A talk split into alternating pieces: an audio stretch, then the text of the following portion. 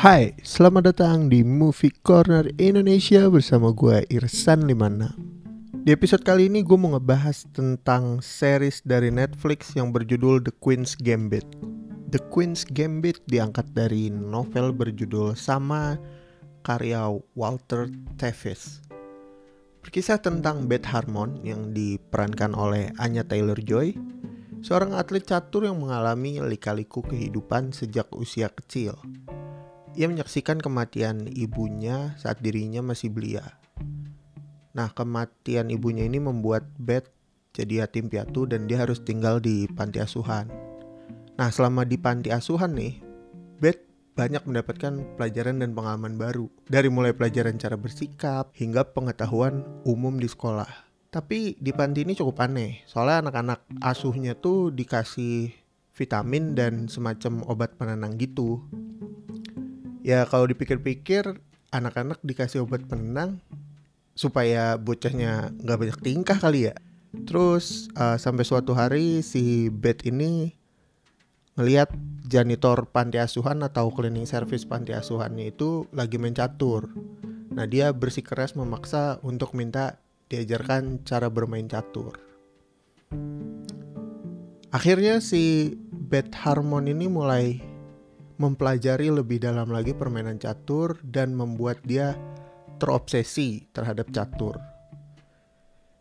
Dia belajar banyak dalam waktu singkat hingga akhirnya dia bisa ngalahin si janitor. Terus akhirnya dia dikenalin ke tokoh-tokoh komunitas lokal gitu.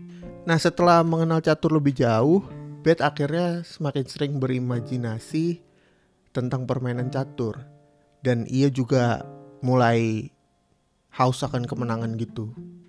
Nah ternyata ini tuh dipicu dari salah satu obat yang suka dia konsumsi. Singkat cerita, ketika Beth beranjak remaja, dia diadopsi oleh sebuah keluarga. Nah dari sini petualangan Beth dengan catur baru dimulai. Series ini tuh berlatar waktu di sekitar tahun 1950-an sampai 1960-an. Ketika waktu di tahun-tahun itu terasa lambat dan gadget yang lu punya tuh baru TV sama telepon.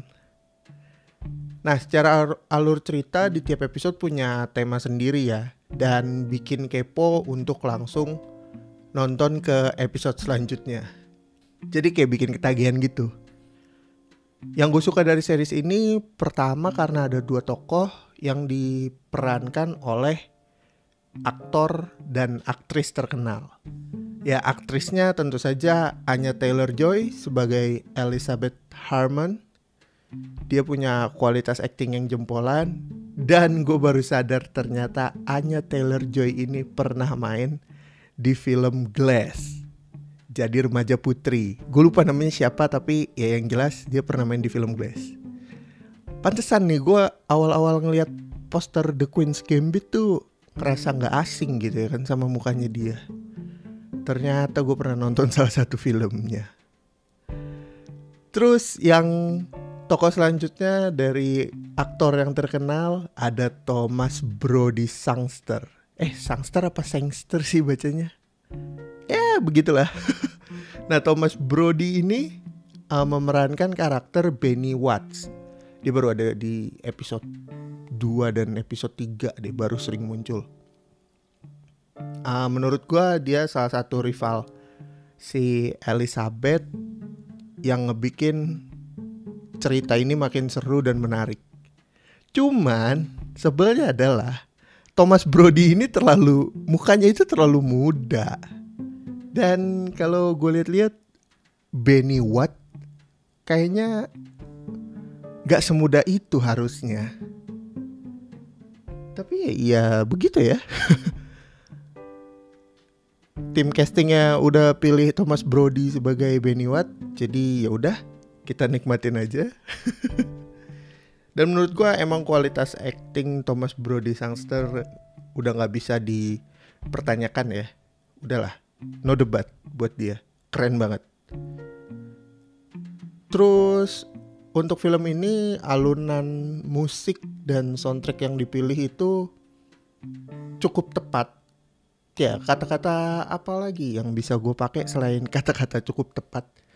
Karena itu membuat lo yang pada nonton The Queen's Gambit seolah-olah masuk ke pada waktu itu kepada masa itu di sekitar tahun 1960-an terus uh, permainan catur di Queen's Gambit digambarin cukup intens ya.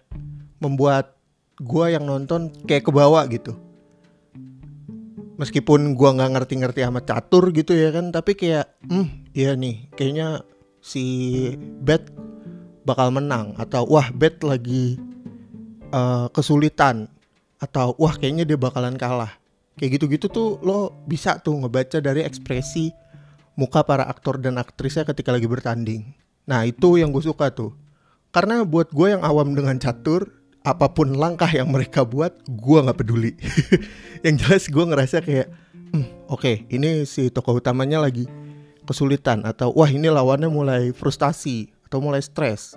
Nah itu membuat gue betah gitu untuk ngeliatin adegan-adegan caturnya mereka dan adegan-adegan yang seru dan bagus tentunya didukung oleh visual masa lalu yang digambarkan secara apik dan warna-warni. Properti-properti jadul wardrobe yang pas dipakai di series ini juga ada CGI yang cukup rapi membuat lo bakalan betah sih nikmatin tiap episodenya. Ya nggak heran juga ya karena The Queen's Gambit ini kan Netflix original series so far produksiannya Netflix belum mengecewakan nih untuk semua yang mereka tayangin Terus uh, lanjut kita bahas kekurangannya. Di episode awal beberapa adegan tuh pace-nya cukup lambat.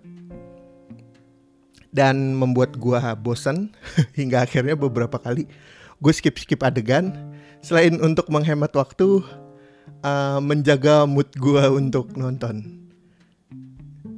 Kayak gitu. Ya nanti lo ngerasain lah kalau lo udah nonton. Terus pas adegan catur di episode kedua sama ketiga kalau nggak salah, menurut gua udah mulai boring ya. Mungkin karena udah terlalu ngelihat papan catur keseringan.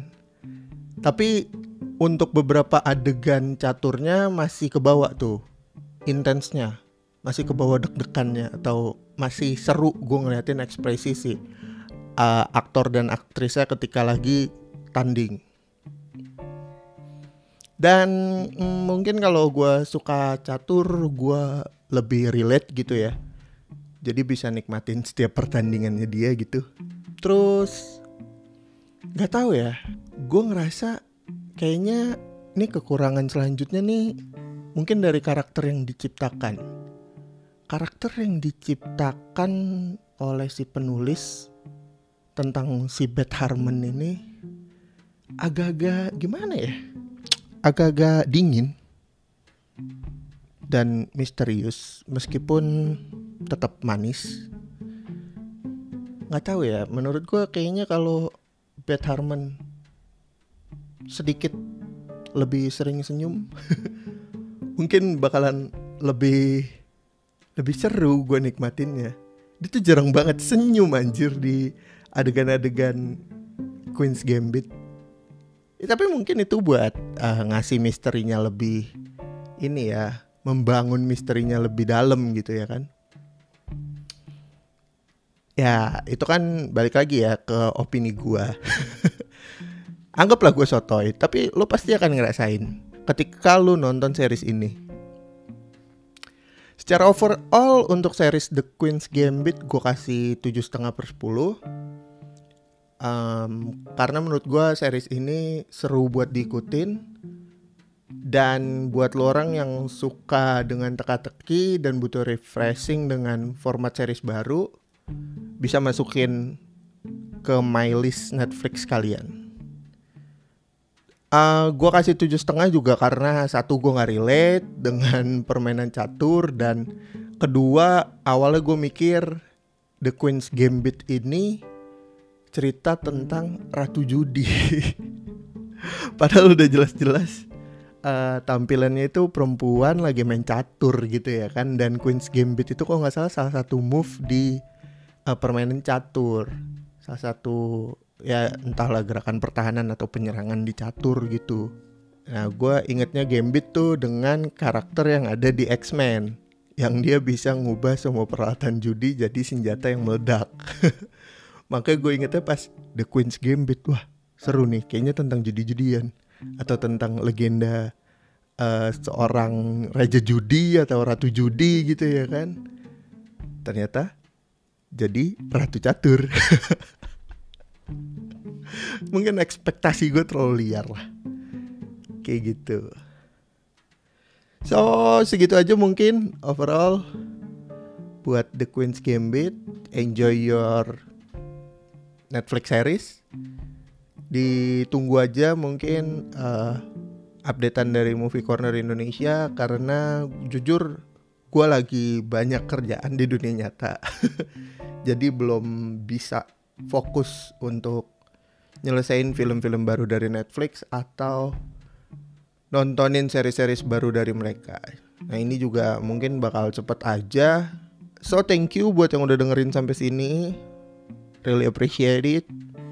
Follow gue di Instagram @irsan56 dan DM ke gue kalau lo orang mau ngasih uh, referensi film atau request film yang perlu gue review. Itu aja buat episode kali ini. Gue Irsan56 pamit. Ciao.